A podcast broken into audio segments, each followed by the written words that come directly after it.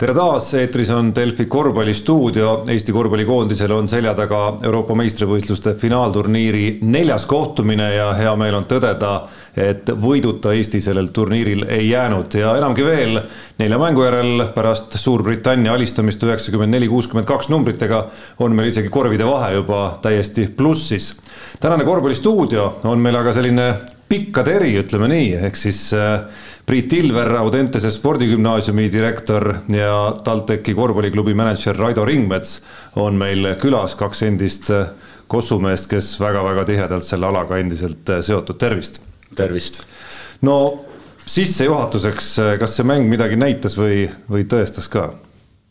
No see kindlasti näitas äh, sedasama südikust, mis Eesti koondisel oli, et äh, igat mängu minnakse nii-öelda mängima ja võitluslikult mängima, et äh, olenemata sellest, kes seal vastas on. hea meel on see, et suhteliselt pingevabas mängus ikkagi võib öelda, et õnnestumine oli päris korralik pärast kahte sellist valusat kaotust ehk siis just see, et me ei, lihtsalt ei võitnud, justkui nagu noh, ütleme äh, kuulates Kalev Kruusi, kes juba mängu eel häälestas, häälestas ikkagi meid ära, et noh, seda peab igal juhul võitma, et me lihtsalt ei võitnud, vaid, vaid me ikkagi nagu mängisimegi kõvad nelikümmend minutit. ja seda oligi nagu mängu vaadates natukene nagu algul sihuke ebausk oli veel kuulata, et Kalev Kruus hakkas kohe algul rääkima, et noh, et mis me siin jamame, et ootame juba Janist vastu, et mis mängul vormistame ära ja siin korras, et aga noh, koondisel tuleb öelda, et nad olid selleks mänguks väga hästi valmis. et ja nagu hea on tõdeda või vaadata, et noh, Eesti meestekoondise tase on tõusnud selliseks, kui nad teevad nagu enda asja ära ja vastane läheb natuke lati alt ära, siis nagu tuleb sihuke vahe, et seda nagu tegelikult meeldib näha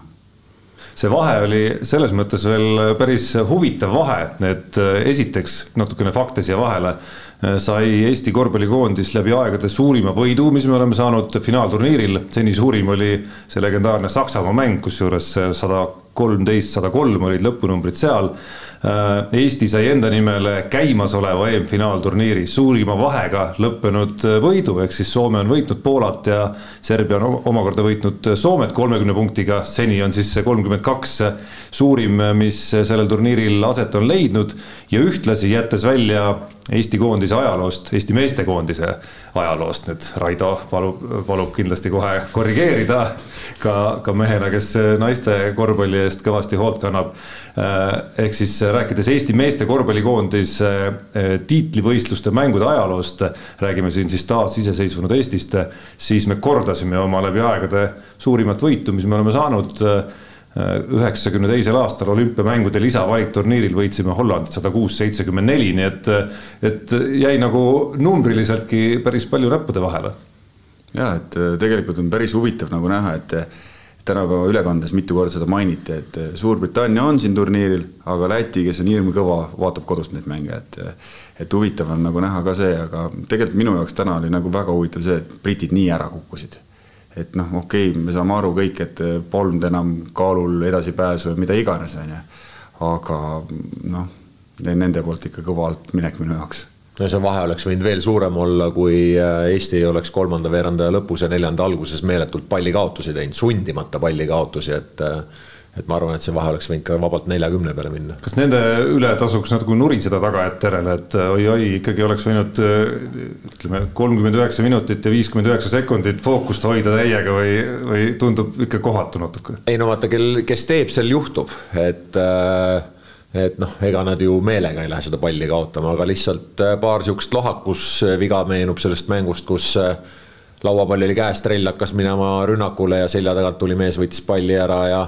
ja Raieste hakkas keskjoone juures, ma ei teagi, kas ta hakkas siis söötu vaatama, põrgatas endal vastu põlve, pall läks out, et noh, selliseid apse tuleb sisse, aga aga muidugi oleks hea, kui see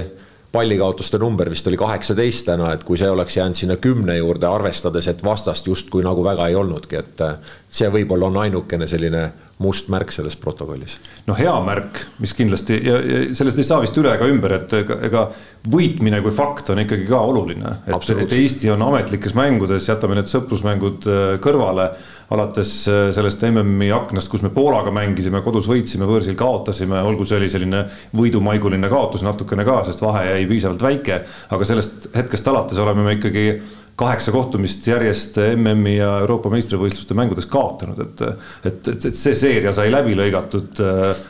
ma arvan, et see on nagu hästi mitmes mõttes oluline. no hästi mitmes mõttes oluline tõesti, aga noh, tegelikult me natukene nagu siis noh, enda siukse ego tõstmiseks või selleks me peame vaatama, kellega me oleme mänginud ka, et, et need on päris, päris tugevad vastased olnud, et noh, see kaheksa kaotust tundub väga suur number. aga kui me võtame siit järjest Saksamaa, Saksamaa seis praegu me teame kõik Euroopa meistrivõistlusel kolm-null, kui ma ei eksi, kõik mängud võitnud, tugevaid vastaseid võitnud. Sloveenia, Läti, noh, need on kõik Euroopa mõttes kõige-kõige kõrgem tipp, et selles suhtes noh, ma seda kaheksat nii üle ei dramatiseeriks, et noh, ütleme siis nii, et omasugused me oleme võitnud päris äh, omapärane olukord on meil, et teoreetiliselt paberil justkui on Eestil võimalus veel äh, ikkagi alagrupist edasi saada, tõsi, äh, see kõlab nagu natukene utoopia, eks, et meil on vaja selleks, et Suurbritannia võidaks viimasel päeval Itaaliat, korraldajamaad Itaaliat, ise peame loomulikult Kreekat ka võitma. seal on paar väikest klauslit veel, aga, aga ärme võib-olla nii sisse sinna, sinna mine, et vaadates seda tänast Suurbritanniat ikkagi, et on sellest, on sellest teoreetilisest variandist mõtet nagu rääkida üldse? ei ole. Itaalia ei lase endale sellist apsu sisse, et ta viimases voorus äh, annaks kuidagi ohjad käest ja lubaks brittidel seal mängus üldse olla, et äh, nendel meestel on kodupubliku ees selg vastu seina, nad on saanud ühe võidu eestlaste üle ja ütleme nii, et eilne õhtune mäng ukrainlastega oli täitsa täielik ärakukkumine, et äh, mitte kellelgi ei tulnud mitte midagi välja, et äh, ma arvan, et äh, seal riietusruumis käib ennem nii-öelda Suurbritannia mängu üks korralik selline üleskütmine ja, ja tõestatakse, et kodusel alagrupi turniiril võetakse esimesel päeval veenev võit ja võetakse ka viimasel ja minnakse rahulikult alagrupist edasi. sa ka ei usu, Raido? no olles niisugune metsik entusiasm on positiivne vend, siis ma ütlen, et no üks äh, hea asi on, et Eesti täna nii suurelt võitis. no ega see, itaallased ka siis ju on seda mängu näinud, et noh, kui me panime Eestile siukse kõva paki, et need panid sinna, et võib-olla nad mõtlevad, et ei lähe mänguks või siis teistmoodi, nagu Priit ütles, et nad häälestavad ennast üle. ja kui tekib kramp ja ma ei tea, on see päev, kui Suurbritannia viskab sisse korvi alt saada, aga noh, tegelikult oleme ausad, väga varianti ei ole, sest täna ka mängu vaadates siis Suurbritannial sihuke nagu üksik punnitamine on, et ei ole sihukest võistkonda, et noh, et äh, kui sa vaatasid täna kahte võistkonda, Eestil kõik süsteem kuidagi toimib, isegi kui midagi välja ei tule, sa tead, kuhu mingi mees läheb. Suurbritannial tundus sihuke, et kohati oli neil väga suur kaos ja see, nagu sa ütlesid, et nad nagu väga hilja said kokku ja see ettevalmistus nähtavasti jäi neil lühikeseks ja see on nagu, nagu pildist väga näha, et et ma väga nagu seda raha panustama selle peale ei hakka, et me siit alagrupist edasi saame. ja, et ma jõudsin siin äh, pärast mängu ja enne kui me siin stuudioga pihta hakkasime äh, vaadata Twitterist ühte Briti korvpalliajakirjaniku sellist äh, kolmeminutilist videosäutsu, kus ta põhimõtteliselt siis noh niimoodi laensõna kasutades äh, direktor ei kuula praegu, direktor Ilver räntis siis räntis siis nagu selle üle, mis Briti korvpallis on toimumas ja loetles seal ette siis kõik need faktid, kuidas kõik ülejäänud finaalturniiri osalised äh, tegid korraliku ettevalmistuse, mängisid kontrollmänge britid said kokku kolm päeva enne esimest MM-valikmängu, siis äh, mängisid need kaks valikmängu ära kohale ja jõudsid ka veel päev hiljem sisuliselt kui kõik teised meeskonnad. et, et sellist nagu ebaprofessionaalsust, mis, mis selle ettevalmistusperioodi sees juba sisaldus, et, et, et seal kõik, kõik need faktid loeti ette ja, ja seda kuulates noh, loogiline oleks, et mida mäng edasi, seda hullemaks äh, ilmselt pilt veel läheb no ilmselgelt võistkonna keemia on seal täiesti puudu ja süsteemsus on ka puudu, et, et kõik need mängud, mis nad seni mänginud on, siis ega nad ei, üksteist ka vist ei tunne, mul on niisugune tunne, et mida keegi no, oskab. Samas ja... nagu mänginud aastaid päris hästi. ja on, on, et Londoni olümpialgi nad ei mänginud üldse kehvasti, eks. aga nüüd see, ütleme, see turniir on neil ikka täielikult aia taha läinud ja tundub, et ega ka seal treeneril ei ole väga palju sellist äh, varianti seda meeskonda kuidagi nii-öelda mängima panna, et äh, et kuulates neid mõndasid time-out'e, siis on lihtsalt see, et liigutame palli ja otsime ja kui me seda ei saa, siis otsime sealt, aga, aga tundub, et mehed ei ole nii-öelda selle laine peal, et seda vastu võtta no et kuulajad ja vaatajad äh, valesti aru ei saaks, siis seda juttu me ei räägi praegu selleks, et kuidagi Eesti tänast äh, suurt võitu nii-öelda nagu kuidagi äh, väiksemaks teha, et, et pigem püüame aru saada, kas, kas see võit Itaalia üle Suurbritannial on siis realistlik ootus või mitte, et tulles nüüd Eesti tänase, tänase kolmekümne kahe punktilise võidumängu juurde, siis, siis minnes seal nüüd natukene konkreetsematesse detailidesse, et ja, ja alustades seda võib-olla siis päris ajalises järjestuses, täna oli esimene mäng, kus me ei näinud esimesel veerandajal sellist mitmikvahetusi, see on nüüd nagu mingiks legendaarseks teemaks vaikselt kujunenud kuidagi. et, et igas ülekandes käib ka see jälgimine nii-öelda nagu läbi, et, et kas teie arust on see, on see üldse teema või on see teie arust asi, mis, mis on natuke liiga ebaproportsionaalset tähelepanu ja kriitikat saanud? no minu jaoks ei ole teema, sellepärast et noh, kui me võtame need mängud tagasi nüüd need kaks eelmist mängu, me kaotasime, kui ma ei eksi, siis kahe ja ühega ühe ja kolmega. ühe ja kolmega, nii. kui me jõuame nagu sihukesesse faasi, et treener on teinud enda mängu nagu vahetused niimoodi ära, et kolmkümmend kaheksa minutit on mängitud ja seis on tasa, siis ta järelikult on ju teinud väga hea töö. lõpuks jääb ikkagi, noh, oleme ausad, et ennem mängu mõlemas nendes mängus me oleme olnud pigem nagu underdog'id ehk siis kes peaks nagu paberi peal kaotama, siis tegelikult on ju treener hea töö teinud, taktikaliselt tekitanud niisuguse olukorra, paljud mehed saavad platsil käia, peaks nagu värskust olema ja noh, lihtsalt sorry, kaks korda seekord ei olnud õnne meil. ükskord üks õnnetu lauapall, teinekord üks vaba ise mööda ja noh, me rääkisime täna hoopis teist juttu, kui need asjad oleks teistpidi läinud, me oleks kolm võitu alagrupis vaataksime, vot kellega me nüüd kuskilt kokku läheme, kuidas juba kaheksa hulka saada, kõik see jutt on ju. et noh, kahjuks see sport on nii, et hästi väikestes mikroolukordades on kinni, kus noh, läks nagu, nagu valepidi, et mina nagu seda vahetamist nii nagu ei näe nii traagiliselt, sellepärast et kui see nagu sellele kooslusele, sellele võistkonnale toimib, siis vahetagu ka viie kaupa, noh. sest kui, kui see ei toimiks, siis oleks see rong ju lõik, noh, läheks varem ära, rütm läheks käest ära, et tegelikult ma arvan, et äh, Juka Toial on päris hästi hakkama saanud, minu arvates. Need mitmikvahetused, äh, mina ka seda hukka ei mõista ja võib-olla see on ka kuidagi suve jooksul välja kujunenud, et millised kolm või neli meest platsil olles sobituvad paremini ja millised kolm või neli meest sobitavad nii-öelda teises formatsioonis paremini, et, et äh, minu meelest on täiesti okeid olid need mitmikvahetused, mina ausalt öeldes täna imestasin, et neid vahetusi ei tulnud selliselt äh, ei tulnud vist, ühe korra vist oli kahe kaupa, aga, aga kolme ja nelja kaupa polnud see selles mängus nagu ühtegi korda sellist vahetuste virvarri ja olen Raidoga nõus, et et kui sa nende mitmikvahetustega ikkagi kuni viimase minutini oled mängus, siis ei saa mitte midagi ette heita, siis järelikult see on õige otsus olnud. üks, mida, mida hea kolleeg ja kohe, kohe meistriliiga debüüti tegev Peep Pahv täna Mehed ei nuta saates äh, läbi ekraani mainis veel ära selles teemas, oli veel see fakt, mida me teleri vahendusel võib-olla ei näe, et, et seal ka päris mitmed mängijad kusagil sellel perioodil on ka ise neid vahetusi küsinud. et, et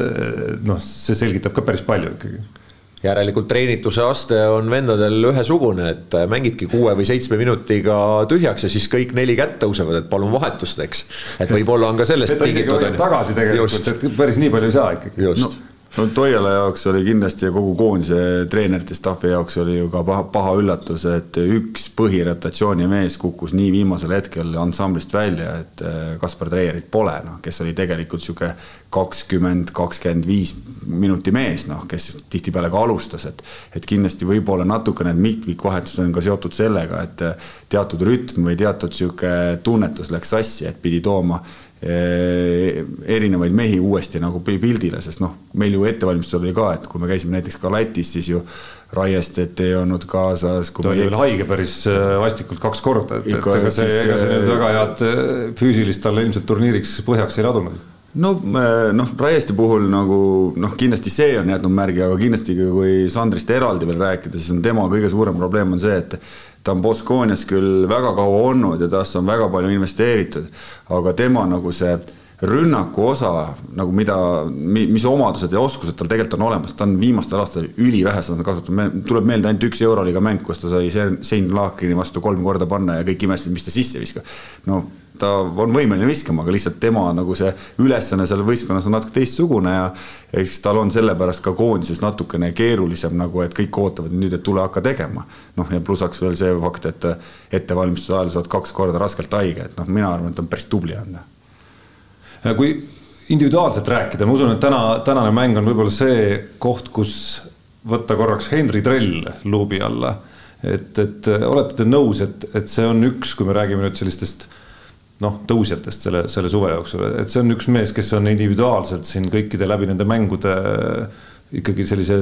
tõusja sildi selgelt ära teeninud. absoluutselt. kui vaadata Trelli nii-öelda eelmise koondise aknamänge ja suve alguse mänge, siis see, mismoodi ta viimased mängud on kaitses ülipüüdlik olnud, see, kuidas ta rünnakul loob teravusi et äh, mul tuleb meelde siin äh, Tartu turniir ja, ja veel mõned äh, eelnevad kontrollmängud, kus läbiminekul väikese kehalise kontaktiga kaotas igasuguse tasakaalu ja see pall lihtsalt kadus tal käest ära. siis nii täna kui eelnevas mängus ta ikkagi suutis nii-öelda läbiminekut ka ära vormistada. ma ainult ise panen imeks seda, et kuidas ükski vastasvõistkond ei tea, et trell läheb ainult vasakule et äh, minu meelest Trell ei ole mitte kordagi selle turniiri jooksul äh, positsiooni rünnakust paremale läbimurret teinud, et alati vasakule ja ta saab seda endiselt teha, et. aga ta on tubli, tal on enesekindlus olemas, tal on nahaalsus olemas, ta kaitses rabeleb. Äh, milles võib-olla natuke Henri saaks juurde panna, on lauavõitlus. et minu meelest Eesti koondisel üldse selle turniiri jooksul on ründelauda mineku agressiivsus suhteliselt madal et ainuke, kes sealt nii-öelda normaalselt oma töö ära teeb, on Kotsar. aga ülejäänud meestel ma just vaatasin peale mängu ka statistikat, et äh, nelja peetud mängu jooksul välja arvatud Kotsaril, teistel järgnevatel meestel on ründelaudade keskmine null koma, null koma kaheksa. isegi Janari Jõesaarel. isegi Janari Jõesaarel.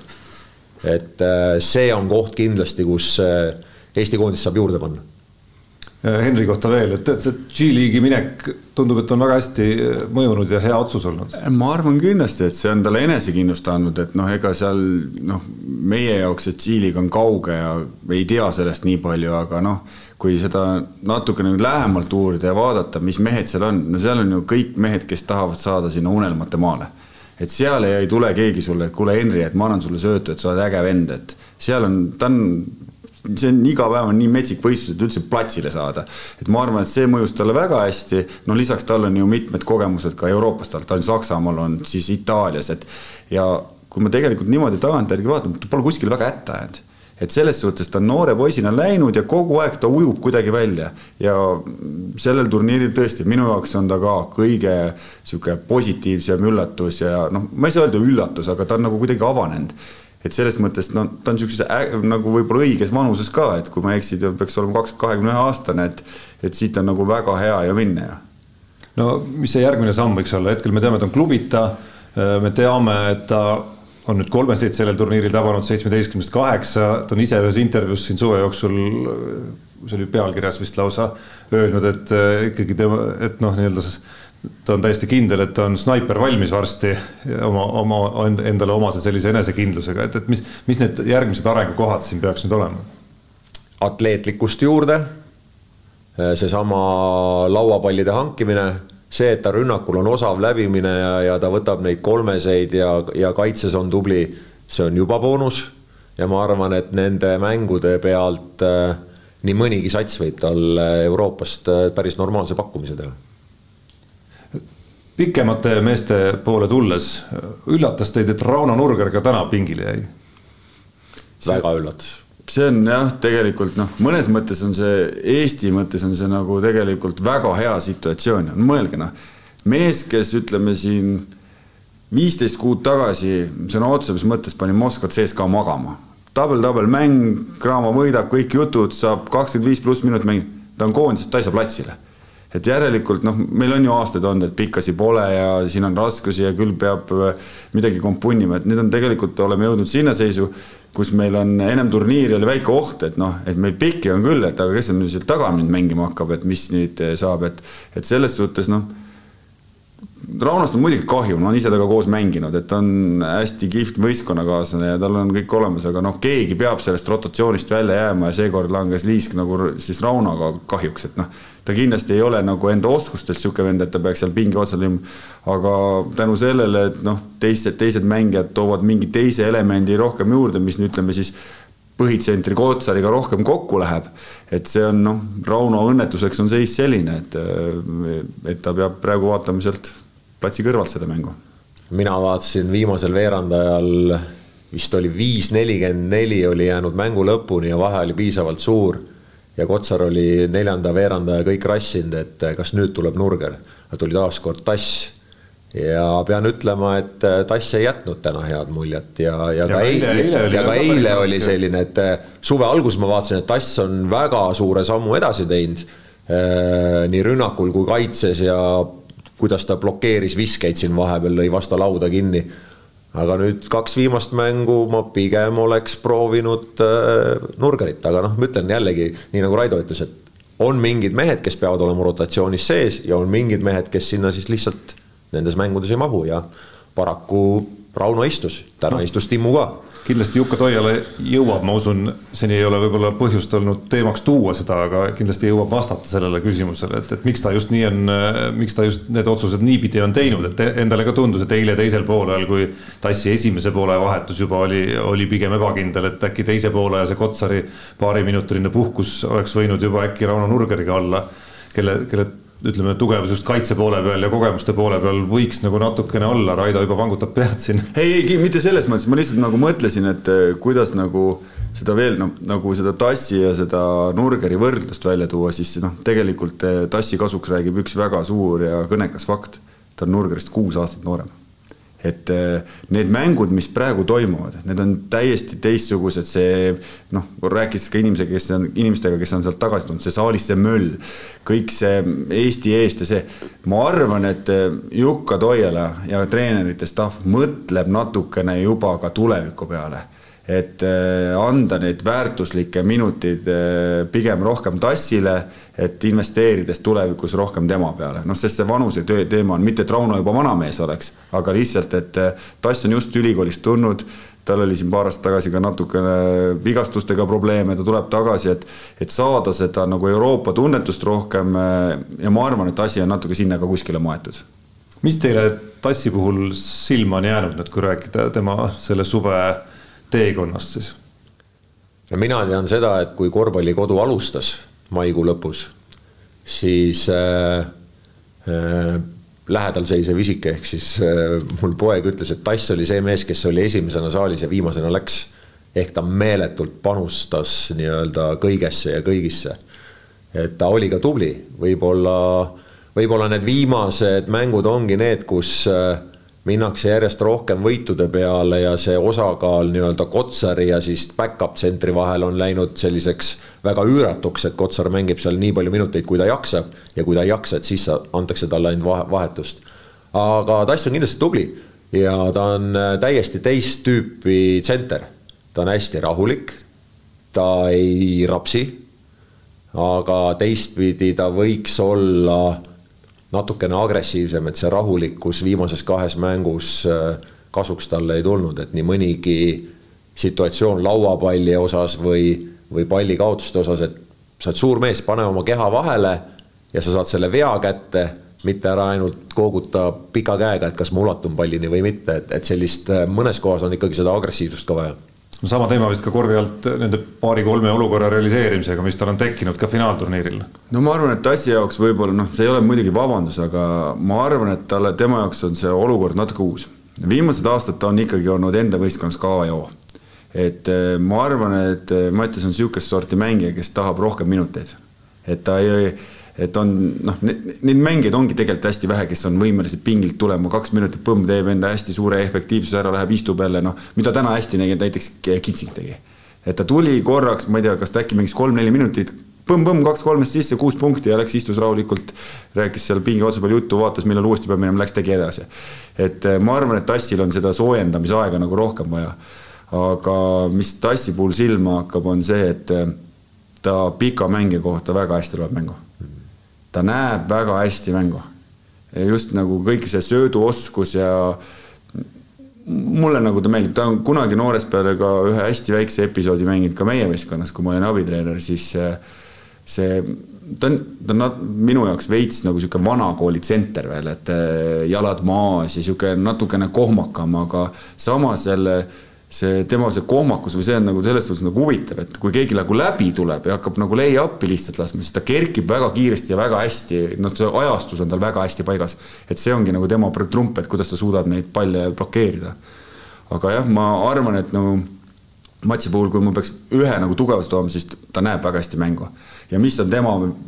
selle koondise puhul väga suur eelis on see, et ta on terve elu koos mänginud Kristjan Kullamäega et nad tunnevad, ma arvan, ennast üksteist nagu läbi ja lõhki väga lihtsalt, et noortesüsteemist koos tulnud kõik noortekoondised kõik koos. et see on ka nagu üks äh, suur pluss, mille pärast võib-olla Tass saab rohkem mängida kui Nurger, sest tal on lihtsalt koostöö Kullamäega tunduvalt tundub parem noh, pluss seal pundis veel meenutame koondise tasemel Sander Raiest ja Kaspar Treier, vahel ka Henri Trell. no jah, seal on, no üldse see üheksakümmend üheksa generatsioon, äh, seal oli ka noh, äh, Tartu poiss, ma ei saa nüüd nime öelda kaitses mängib hästi. Eelmäe? ei, see Eelmäe mängija on kaks tuhat, aga hm?. kivi mm? -mm. päris piinlik olukord on. mängis Pärnus, läks Tartusse, eelmine aasta Pärnust läks see koondise tagumine mängis Permis ka, põlv oli vigastatud. aa, Rosenthal. jah, Märt Rosenthal, et see, et see, see koostus neil oli päris nagu äge, see uu, noh, kõik need koondised üheksakümne üheksandal, et, et noh siit ongi nagu näha, et eh, noh, nad kasvavad nüüd välja ja noh, tagantpoolt tuleb veel mehi, et keda me siin kindlasti ju fännidena ootame, et tahaks näha, et mis siis saab, kui noh, ütleme, et eh, Henri Veesaar on neli aastat enda ülikooli aega ära käinud ja tuleb siis tagasi ja noh, ütleme siis, et mu kõrval istub ka üks mees, kellel üks lähedalt tuttav käib seal USA-s koolis, et loodame, et tema tuleb, et meil neid pikkasi mehi, kes võiksid meie nagu siis selle koondise mängule mingi uue dimensiooni anda, on nagu päris palju et äh, ma arvan, et saab päris huvitavad ajad tulema ma Tassi osas olen sellega nõus, et ta on täiesti teist tüüpi ja tark tsenter ja rahulik tsenter, et et ma imestasin, kuidas ta ülikooli korvpallis oma sellise rahulikkuse ja suhteliselt aeglase ja tasakaaluka liikumisega läbi lööb. tegelikult oma võistkonnas, nii nagu sa ütlesid, ta oli seal A ja O, et pall käis temalt läbi ja ta võttis ette ja sai suuremate, tugevamate, kiiremate vastu nii kaitses kui rünnakul hakkama, et, et korvpallitarkus on tal kindlasti hästi kõrge olemas. lihtsalt praegune sellel turniiril on ta jäänud oma tasemest alla. no kes, kes praegu ja sellel turniiril oma tasemele alla ei ole jäänud ja, ja tundub, et üldse väga harva oma tasemele jääb alla, on Maik-Kalev Kotsar ehk siis, kui mul siin pikad mehed kõrgelt üle kahe meetri on stuudios, siis, siis patt oleks jätta küsimata kiitust ikkagi ka Maik Kalevi kohta, kes, kes ikkagi mäng mängult väga nimekate vastaste vastu äh, käib ja kõnnib ja hätta, hätta nagu kuskil, kuskil ei ole jäänud, vastupidi, et, et äh, mida tema puhul te esimeses järjekorras kiita tahaksite? töökus, kindlasti töökus, et äh, siin on ju ka öelnud äh, erinevad äh, teiste riikide mängijad, et äh, Maik-Kalev Kotsar saab vähe kiita selle eest, kui kasulik ta tegelikult on mõlemal pool platsil, nii kaitses kui rünnakul, et äh, me ei näe isegi Euroliigas selliseid tsentreid, kes teeksid nii häid väljaasteid pick n rollis kaitses olles.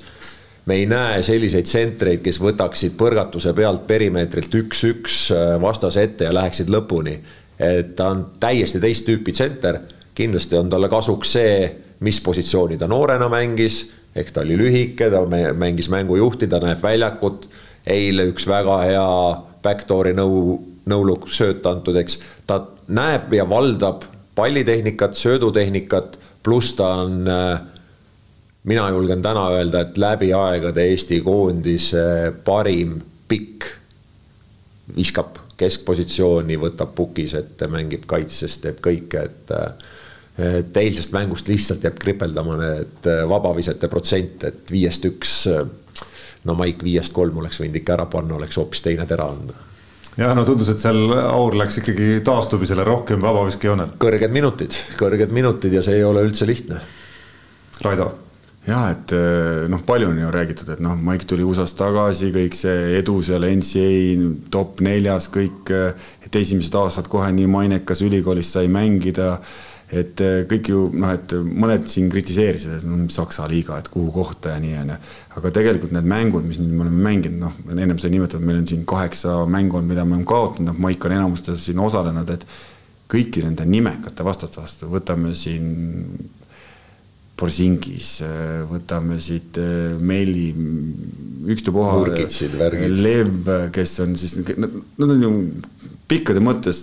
iga laps, väike poiss, kes tahab kooripalgaks, tahab sinna jõuda, kus need mehed on. noh, Nurkits, kes teeb praegu superturniiri. ta võttis, ta suudab, noh, ma ütleks, et noh, ma olen muidugi eestlane, mul on sinised prillid, ma ei saa midagi öelda, ma ütleks, ta on võrdne nendega, et tema nagu see sa küsisid, mis on tema tugevus, noh minu jaoks on alati Maigi nagu tugevus olnud, et ta teeb minu jaoks nagu mõnda asja nagu valesti, aga see on kasulik tema jaoks. et ta teeb nagu, nagu ebareeglipäraselt või kuidas seda nagu öelda nagu, et, et mingid asjad sa vaatad, et peaks nagu nii minema, ei, aga ta läheb hoopis niimoodi ja see on kasulik talle. ja kogu noh, muidugi kogu kompoti suureks kiituseks on vasak käsi ka veel. Et äh, pikkade puhul hea, noh, ikkagi kuidagi vasakul on ikkagi nagu ta, tahetakse rohkem lasta ja nii edasi, et et äh, selleks, et maik nagu veel, veel, veel väga heaks saaks, noh, viset stabiilsemaks et keskpositsiooni vise ja tegelikult võiks olla ka noh, noh, eks see tuleb vanusega kõikidel pikematel meestel, et mida vanemaks saad, seda kaugemalt hakkad viskama. no eile, eile õhtul vihjeks, vihjeks, vihjeks võin öelda. Rauno Pehka saatis ühe väikese videokokkuvõtte mille ta kunagi oli teinud siis äh, Maigi sellistest äh, lapsepõlve, kui ta veel tagamees oli, selle aja hetkedest, noorteturniiridest ja selle video lõpetuseks oli üks tabav kolme punkti vise ka, et tegelikult on vaja lihtsalt meelde tuletada. Ei no Maik on kontrollmängudeski siin ju kolmesid sisse laksunud, et äh, ja Poola vastugi vist pani, et kui rünnaku lõpp oli ja oli vaja visata, siis, siis ta ju on päris mitu kolmest selle suve jooksul sisse saanud no et selleks, et nagu vaatajad saaksid aru, et äh, me räägime nagu Maik, et siis, kui ta lühem oli, noh, ma toon ühe näite, siis ma olin noortekoondiste juht. meil oli sihuke programm nagu talendilaager. ma võin mingi sentimeetritega siin nüüd eksida, aga kui Maik-Kalev Kotsar tuli sinna talendilaagrisse, kas ta oli siis kolmeteistaastane või hakkas neliteist saama, siis Maik-Kalev Kotsari pikkus oli kuskil meeter kuuskümmend kaheksa et noh, arvestage siis ise, et kui palju ta pidi kasvama, et ta siukseks, et praegu on kasvanud siukseks atleediks, noh. et selles mõttes niisugune nagu drastiline võrdlus, et, et tal on nagu selles suhtes väga hästi olnud, et ta on hakanud noore peale korvpalli mängima, kogu aeg palliga tegutsenud asju, et see on, see on üks tema trump, et ta on kasvanud õiges rütmis, et ta ei ole nagu kiiresti täis kasvanud, vaat koos selle mänguga kasvanud. et ma arvan, et see on Maigi üks kõige kõvemaid trumpe üldse tuleme natuke, tuleme natukene selle võistkonna ja selle turniiri juurde ka, et, et selge see, et turniiri lõpufaas on lähedal, alagrupi viimane kohtumine on Eestil ees siis neljapäeval Kreeka vastu. kui mingisugust imet ei juhtu ja, ja see peab olema mingi imede ime, kuulates siin ikkagi hinnanguid, mis saate algul kõlasid, siis, siis ilmselt ja väga tõenäoliselt peame lõpuks turniiri kokku võtma niimoodi, et see üks lauapall näiteks, mis meil jäi sealt Ukraina vastu maast üles noppimata võis meile siis lõpuks maksma minna selle, et, et Eesti alagrupist edasi ei saanudki. mis need, jättes selle lauapalli olukorra ja, ja veel igasugu olukordi, mida on võimalik kindlasti leida nii Horvaatia kui Ukraina mängust, panna näpp peale ja öelda, et kui see oleks teistmoodi läinud, siis, siis meie turniiritabel oleks ka teistmoodi. püüdes nüüd natuke laiemat pilti ja, ja kokkuvõtet sõnastada, et et mis see, mis see põhiline järeldus või õppetund võis, võis Eesti koondise jaoks see turniir olla, teadmata veel, kuidas Kreeka mäng läheb? mina mõtlesin peale seda Ukraina mängu viimaseid sekundeid, kus see lahendus läks untsu meil, et äh, meil on väga hea generatsioon, äh, sinna juurde kogenud mehed äh, Timmu ja Siim Sander ja Kitsing, kes on nagu juba natuke vanemad, aga mitte keegi nendest meestest ei ole olnud võistkonnas otsustaja. ja kui enamus koondislastel on üks või kaks sellist nii-öelda kindlat meest, kes võtab selle lõpu enda õlgadele, siis äh, seda täna selles koondises veel ei ole. Vene oleks võinud olla, tal lihtsalt esimesed mängud ei läinud nii hästi, kui ta oleks mänginud äh, esimesed kaks mängu nii nagu viimased kaks, et ta oleks tabanud piisavalt viskeid, siis ma arvan, et see Ukraina mängu lõpp oleks ka Siimu peale joonistatud. et võib-olla see ongi see, mille pärast meil need kaks nappi kaotust on tulnud, et meil ei ole nii kindlat liidrit, kes lõpus konkreetselt selle asja enda õlule võtab ja see ei ole just ju tegelikult ainult lõputeema, et, et see on ka mängu sees mingite mõõnade ajal, mingite perioodide jooksul, kus, kus natukene on vaja, et võib-olla sul on keegi, kes sind välja veab sellest. jah see, see võib ka mängu jooksul nii olla, aga noh, need mängu kaks lõppu on nagu ilmselgelt, et äh, sellised olukorrad, et eile küll äh, Jõesaar proovis seda enda peale võtta ja oli väga lähedal sellele, et koos veaga see ära tabada ja see kolmene ja vabakas otsa, aga, aga see ongi see, et täna üks, homme teine, ülehomme kolmas, kuu aega tagasi hoopis keegi neljas. et kui me vaatame neid teisi satse, kes seal EM-il mängivad, siis tihtilugu ikkagi punkt punkti nii-öelda lahendust otsitakse, siis on see võistkonnas kindel üks või kaks meest, kes selle otsuse teevad. kuidas sinu jaoks see põhi, põhijäreldus või, või õppetund või, või mõte siit, mis kaasa tuleb turniirist no,? sellest turniirist mulle nagu hästi sümpatiseerib see, et minu jaoks on nagu see uutmoodi Eesti koondis, sest kui me vaatame seda Eesti koondi niinimetatud line-up'i, siis me mängime tegelikult Euroopa mõttes väga mõistlikult pika line-up'iga, et meil on eh, ja see on meie edu taga nagu see nagu võti olnud, et noh, kui me vaatame neid kaotatud mänge, me ei jää kaitse hätta meile viskab Horvaatia seitsekümmend kolm, meile viskab Ukraina vähe, no Itaalia vastu, no sorry, aga kui keegi viskab kolm tükki üheksa meetri pealt sisse, siis võib kõigil see nagu korraks nagu rütmi sassi lüüa ja ise sa ei saa üldse nagu kaugelt sisse, et nad tsementeerivad korvi alt ära. et noh, siis juhtub siukseid päevi, aga tegelikult see Itaalia mäng ka ei olnud paha, et, et mina võtaks sellelt turniirilt just selle kaasa, et et äh, hästi kihvt on nagu vaadata ja näha seda, et äh, Eesti mängib ikkagi väga sihukest modernset korvpalli, mõtestatud, positsioonid on head, meil on nagu kujud olemas ja noh, kui me rääkisime siin sellest, et meil praegu ei ole neid otsustajaid, siis noh, tegelikult on nagu raske või nagu palju loota ka, et ütleme, et kui seal Kotsar välja arvatud, kes on üheksakümmend kuus sündinud, aga ülejäänud mehed, kes siis lõpus platsil olid, on sünniaastaga üheksakümmend üheksa kuni seal kaks tuhat peale, siis noh, sorry, aga nad ei, noh, kui nad praegu juba otsustavad, siis tulevikus on meil ju ainult rõõm neid mänge vaadata nagu, et et küll nad kasvavad ja küll need otsustajad tulevad, et mina arvan, et näiteks järgmised turniirid, kui meil on niisugune õnn, et me saame peale kuskile ja oleme finaalidesse, et siis Henri Trell, ma arvan küll kaks korda küsida, küsib, et andke pall siia, ma teen selle lõpu ära või Kriisa või siis noh, tegelikult on ju veel ka meil mehi puudu või siis nagu, kes on nagu vigastuseks väljas, seesama Treier, kes sai lõpus nagu nagu niisuguse paha vigastuse, siis noh, hooaja keskel ju Mikk Jurkatam, kes on ju tegelikult väga-väga hea viskaja. et noh, niisugused mehed veel juurde, et meil, et selles suhtes minu jaoks on see turniir nagu okei okay,, ma nüüd räägin, mu ilgelt positiivne turniir, et on kaks kaotust niisugust saanud, aga aga annab nagu seda lootust, et me ei ole nagu punnitanud, et seda ühte võitu saada. aga me oleme nagu kõikides mängudes, me oleme mängus, me mängime, meil on võimalus ja et ei ole nagu võimalust ka niimoodi, et okei okay,, täna oli metsik päev, panime kõik kolmesed sisse kukla tagant, eestpoolt, igalt poolt. vot nagu normaalse mänguga me oleme mängus ja lihtsalt meil ei olnud see päev õnne. et me saame nagu juurde keerata kruvi veel ja me saame tugevamaks minna no te olete mõlemad Eesti korvpalli järelkasvuga seotud erinevatel, erinevatel viisidel, et, et olgu siis spordigümnaasiumi direktorina, isana, sina noortekoondiste juures TalTechis ja nii edasi ja nii edasi, et, et seesama Eesti U kakskümmend koondis, mille, mille tegemistega on teil mõlemad ka seosed olemas, et, et noh, sealgi oli no ma ütleks mingis saates ma isegi, isegi olen äh, kellegagi aru pidanud, et, et kas Joonas Riismaa ei oleks võinud näiteks kuidagi siin meestekoondise juures täna nagu vähemalt töös olla mingi, mingi faasini, et äh, noh, Henri Veesaar ei vaja nimena tutvustamist. Äh, et kui me siit nagu edasi läheme ja räägime siin kolme aasta plaanidest, viie aasta plaanidest, mis iganes tulevikust ja tulevasest koondisest, et, et noh, siis kindlasti peavad need mängijad, kes selle kogemuse nüüd kätte said ja võib-olla ka poeg Markus, kes vaatab sul televiisorist ja Henri ja, ja kes iganes veel seda sihti endale seab. noh, vaatama ka mingi sellise pilguga, et okei okay,, mis, mis kogemust ma nüüd nägin siin, et, et mida ma nüüd ise tegema pean, et, et, et see areng ei saa ju nagu seisma jääda, et, et ega iseenesest need edasised arengusammud ka ei tule mitte kellegi jaoks. ja ei, tööd on vaja kõvasti teha ja, ja tegelikult äh, kõige ägedam on vaadata seda, mismoodi eestlased sellele nagu kaasa elavad et ma julgen küll praegu kõrvalt öelda nii palju, kui ma nüüd nädala aja jooksul neid mänge olen vaadanud, et kui jätta äh, kohalikud nii-öelda riigid välja, kus need turniirid toimuvad, eks Itaalia ja Tšehhi ja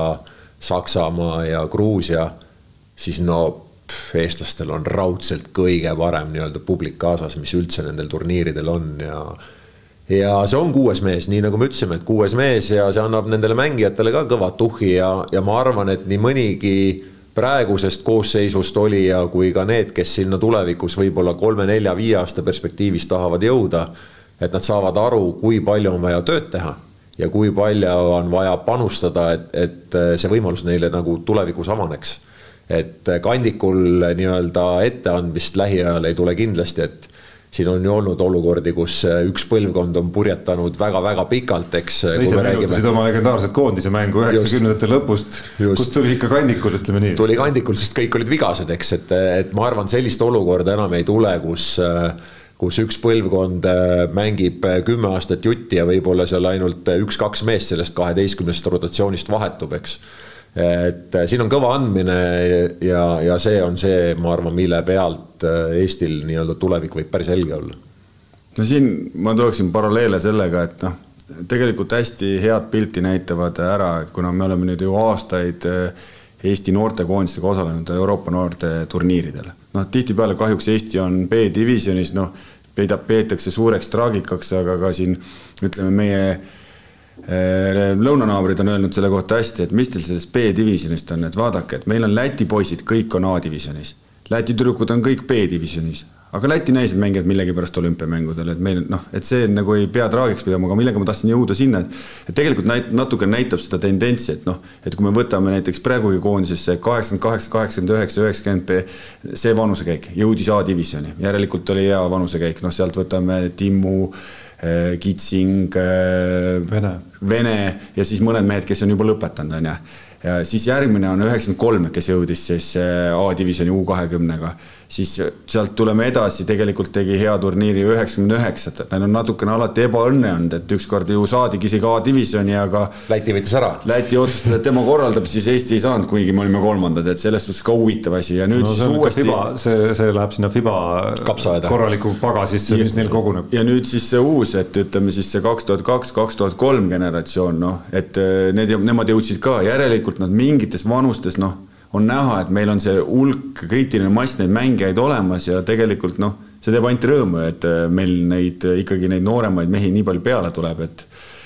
et äh, mina arvan küll, et saaks veel nendele finaalturniiride peale, et ükskord on see ka meie moment, kui me siin teeme väga huvitava turniiri, noh. kahju, et nüüd see nelja aasta tagant on, et oleks äh, palju nii-öelda ägedam ja, ja meile kasulikum, kui see oleks iga kahe aasta tagant, nii nagu vanasti no millest on kahju lihtsalt, ma ise mõtlen, et kui, kui räägitakse jah sellest, et meie turniirid justkui tulevad alles, et no ei ole hullu nendest kaotustest praegu mm,. noh, siis esiteks on seda raskem rääkida võib-olla mõnele vanemale mehele, kellel ei pruugi võib-olla tulla neid võimalusi enam näiteks pääseda alagrupist edasi aga teine asi on see, et ega nendele finaalturniiridele, mis tulevikus tulevad, tuleb ka jõuda kõigepealt. jube raske peale saada. et seda süsteemi vaadates, kuidas siin aknad on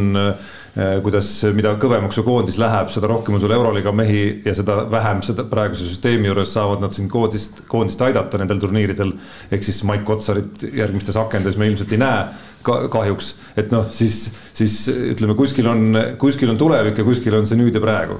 No see on tänase päeva Läti õnnetus no.. Läti on ju väga tugev koondis, aga just nende samade akende ja asjade pärast nad täna seal EM-il ei ole ja, ja nii nagu sa ütlesid, et kui meie mängijad saavad äh, väga kõrgetasemelistesse võistkondadesse, Euroliigasse või kuhugi mujale, eks, või üle ookeani kuskilt peavad hakkama käima, siis see akende värk saab olema päris, päris nii-öelda karm. ja lätlastel on tegelikult jah, isegi kaasa tuleb tunda, sest nende ütleme noh see pa-, minu jaoks üks kõvem generatsioon, need hakkavad juba vanaks jääma. just, et Trelleksid ja Bertans vanem ja, lahkuvad juba. ja et hakkavad eest ära minema, kes olid ikkagi nagu mingitel hetkedel, nad olid ikka nagu nii head, et kui seal ikka oleks kõik asjad õigesti läinud ja kõik mehed kokku saanud, siis mine tea, mis oleks juhtunud. aga no spordis on alati vaja õnne ka, et selles suhtes me võime rääkida. aga noh, võib-olla tõesti, et noh, et Euroopa meistrivõistlused on nelja aasta olnud, aga vahepeal mängime maailmameistrivõistlusi ka, vaadake, Soome on alagrupis, kuidas seis on, et läheb siit järgmisse ringi, nii et koliseb noh. esimesena kindlustas pääsma. just. noh, et selles suhtes ja, ja kas siis, kui me nüüd siis võtame, okei okay,, paberi peal või mitte paberi peal, aga mänguliselt, kas me oleme siis Soomest nii kaugel või? no et ei ole ju. et mängime, vaatame, mis saab, et noh, loodan, et siin, mina küll loodan, et varsti saab, saab neid ägedaid mänge palju olema Eesti jaoks ja tegelikult see, et noh, mõnes mõttes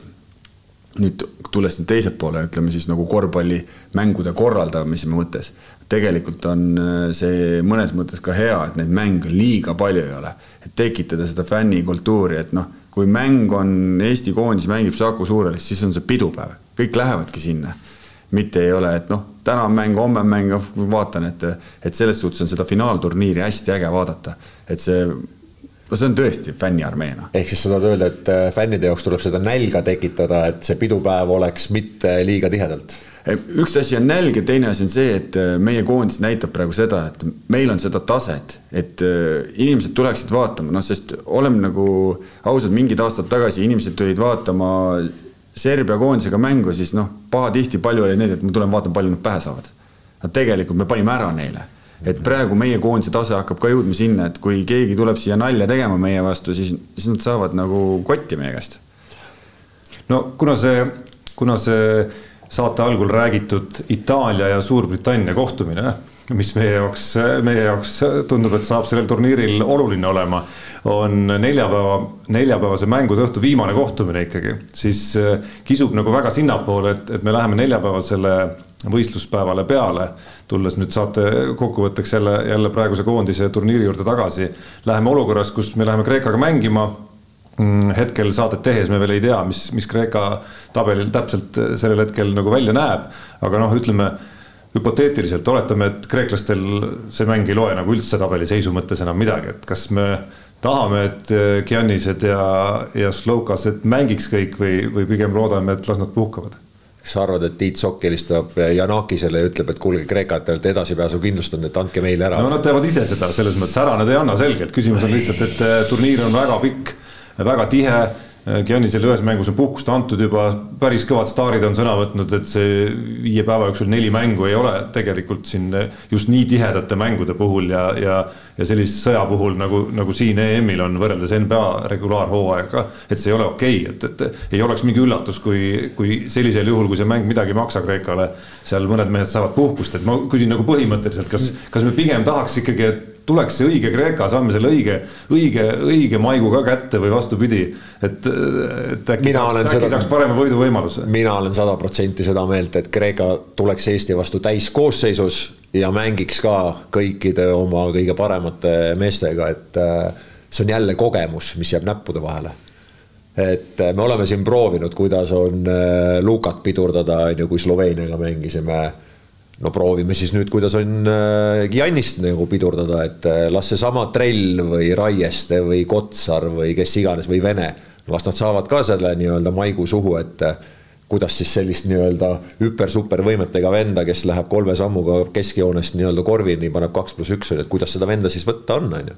pluss ma arvan ka treenerite tiimile on see selles mõttes nagu kasulik variant jällegi mingisugune uus kogemus saada, et kuidas sellise stiiliga meeskonna vastu oma asju siis sättida taktikaliselt mina tahan küll, et tuleks täiskoosseisuga no, Kreeka. siin